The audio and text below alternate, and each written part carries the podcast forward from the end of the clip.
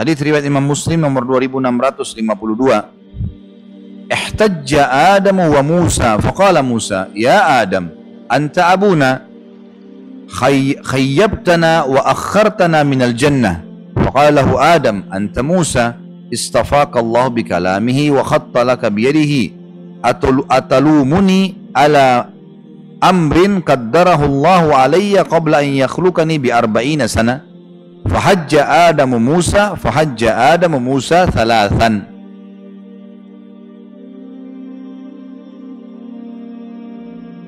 Nabi Adam dan Nabi Musa pernah beragu argumentasi Allahu alam ini kapan?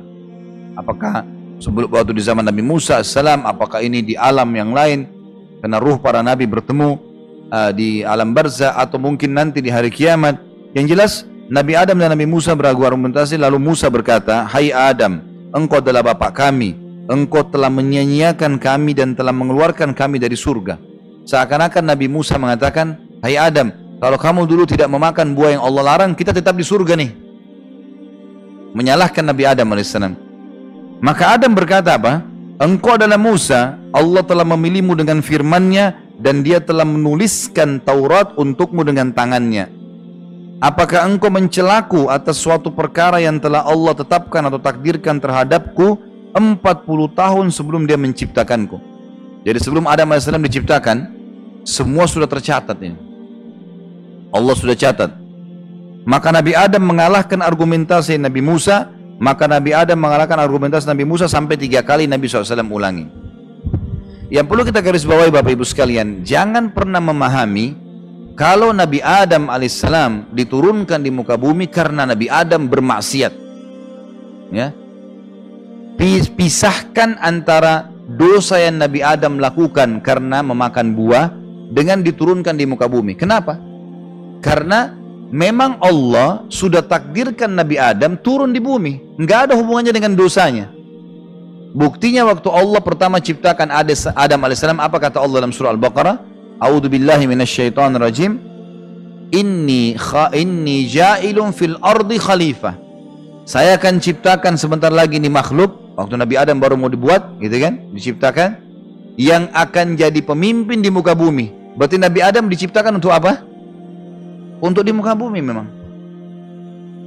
Jadi yang dimaksud dalam hadis ini, Nabi Adam mengatakan, jadi mau menjelaskan kepada Musa, ini sudah Allah tentukan saya memang harus turun di muka bumi.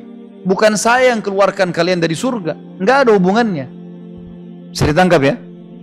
Perlu difahami ini karena banyak orang faham Nabi Adam karena berbuat dosa Allah hukum turunkan bumi. Jadi bumi ini seperti tempat hukuman. Salah.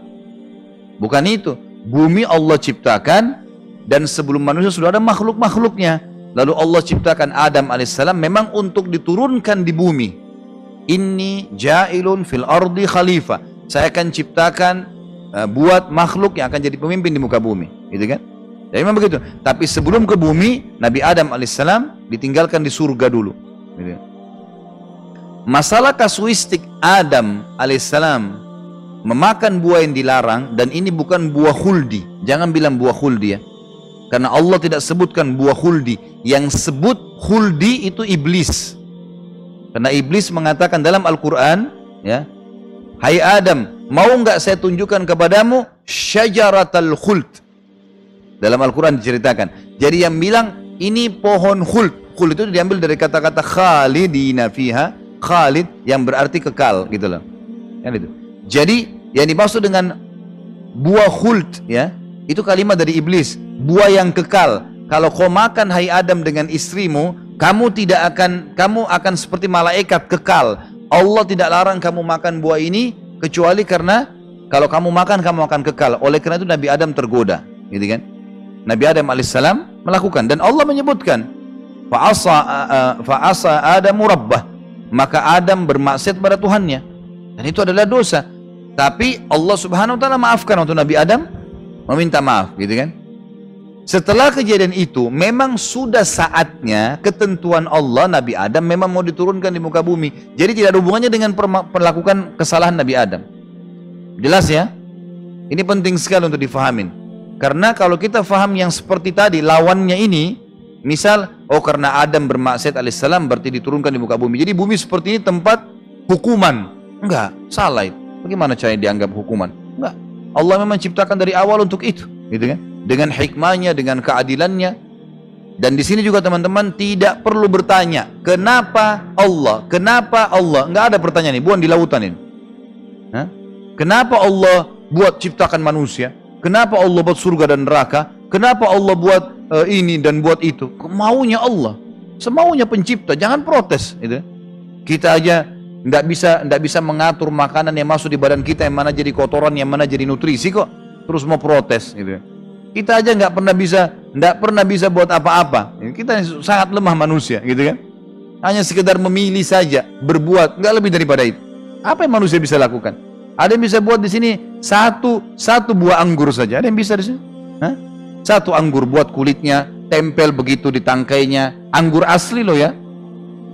Bukan anggur mainan, mainan semua orang bisa buat. Yang asli seperti itu, seperti Allah buat, rasanya sama, bentuk. Gak ada, satu buah. Bagaimana kalau disuruh buat anggur semua? Bagaimana kalau disuruh buat semua buah? Bagaimana kalau disuruh buat dirinya sendiri? Nah, manusia cuma bisa buat robot. Robot pun karena menciplak ciptaannya Allah. Itu pun tidak bisa buat apa-apa, tidak bisa seperti manusia. Ya? Manusia bisa sedih, bisa senang, bisa gembira, ya, bisa tidur, bisa bangun. Robot berdiri terus. Ya.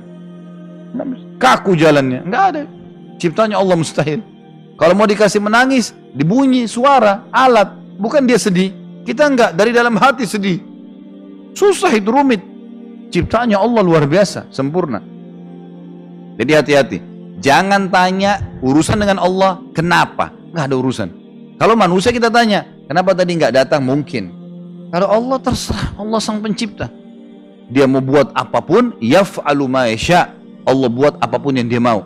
Tugas kita patuh dan beriman. Akan aman tuh kalau kita ikut patuh dan beriman itu.